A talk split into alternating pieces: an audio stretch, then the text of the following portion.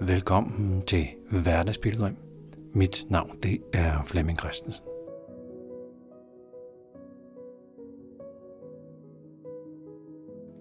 Så er jeg ude på min morgentur. Jeg er gået over slusen, og jeg så en fisker hive en fisk op af, op af vandet. Det ligner en lille, en lille sværfisk, hvor han slog den oven i hovedet med sin fiskekniv, til den ikke sprællede mere. Begyndte så at åbne den for at rense den. Det bragte mig straks tilbage til mine øh, sommer, hvor jeg var ude og sejle på vores skiv hver sommer. Ja. elskede det. Elskede at komme ned i skibet og pakke det og rigte til. Og for mig var det ligesom at gøre det hyggeligt. Den klassiske ting med at fange krabber med mine to søstre. Når vi lagde til kajs. Lave flaskeposter. Og drømme om, at de blev læst. Og der var nogen, der skrev tilbage.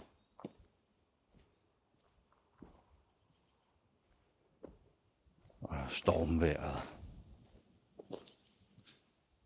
Hvor vi forblev i havn. De stille, stille morgener, hvor man vågnede ved min far og min mor havde lagt fra kaj og var sejlet afsted, mens vi stadig sov. Diesel, olien. Der var bygget sådan en øh, mahonikasse oven på motoren, som var inde i førerhuset. Og der kunne man sidde ovenpå og få varme, hvis det var lidt koldt om morgenen.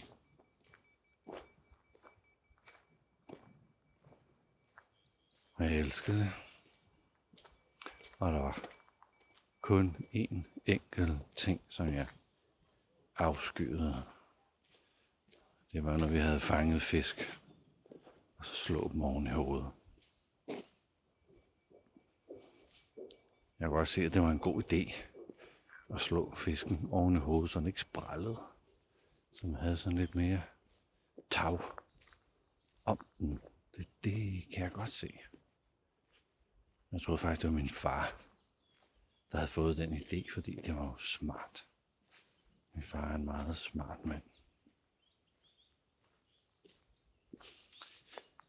Men, men jeg så for mig, at man sådan slog til hjernen, sådan var smadret. Og alt det, som fisken kunne eller havde lært, det ville nu være sådan en mos af ingenting, der aldrig kunne blive genskabt. Og jeg kunne ikke tænke mig, at nogen jeg kendte fik most deres hjerne, så de ingenting kunne længere. Så den del var skrækkelig for mig. Og hvis jeg kunne slippe af med det og overlade det til mine forældre, så gjorde jeg gerne det. Men jeg kan godt se det smarte i det. Altså, lige, lige stoppe hjernens funktion, så man nemmere kunne skære i den. Sprætte den op og rense den og fjerne hovedet og finder og skæld og det er da klart, det er smart. Men Men jeg går og tænker på, om der er mange ting, jeg gør i mit liv, som er smart, men som jeg ikke har lyst til. Som, som er en, en del af noget, der, jamen, sådan gør man bare. Det er blevet til sådan en kulturel vane. Men i bund og grund, så har jeg ikke øh, lyst til det. Jeg gik forbi morgenbussen her om et øje, for et øjeblik siden, som, som vist nok tager afsted kl. 8, hvor forældrene har puttet børnene ind i bussen og står derude og vinker. Nogle gange så forestiller jeg mig, at alle ungerne, de sidder bare og hygger sig derinde. Med en masse forældre, der løber rundt og kysser og luftkysser.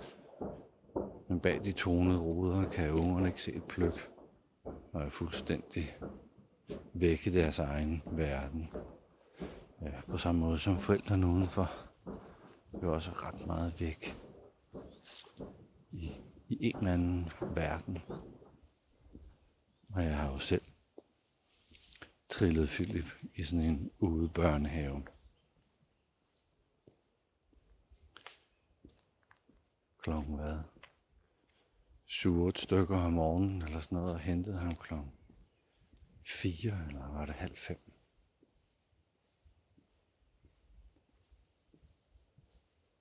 Og når jeg tænker over det, så det er jo på en måde ligesom at slå hjernen ud på et levende væsen. At overlade ens barn det meste af hverdagen og ens vågne timer til nogle andre. Men man gør det jo. Det er smart. Fisken spræller ikke så meget. Og det er nemmere at håndtere sin hverdag, hvis man lige har fået deporteret sit barn.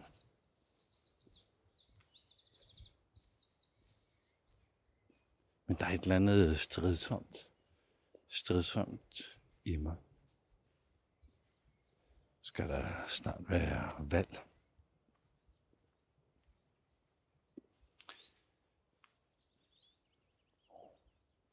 Og jeg har aldrig noget, nogensinde afgivet min stemme i et valg.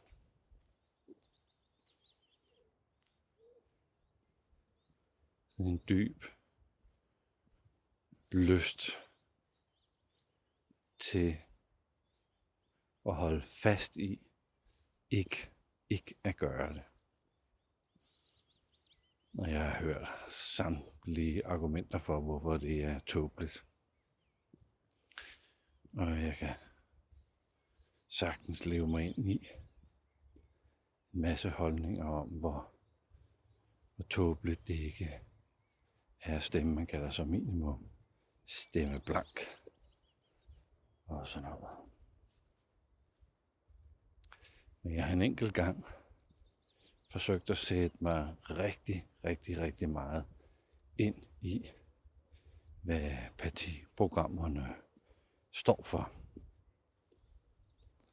Og følge med i to,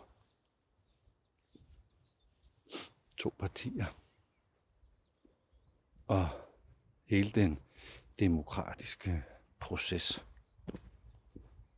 blev ligesom nulstillet da der skulle forhandles om, hvordan en regering skulle sætte sammen.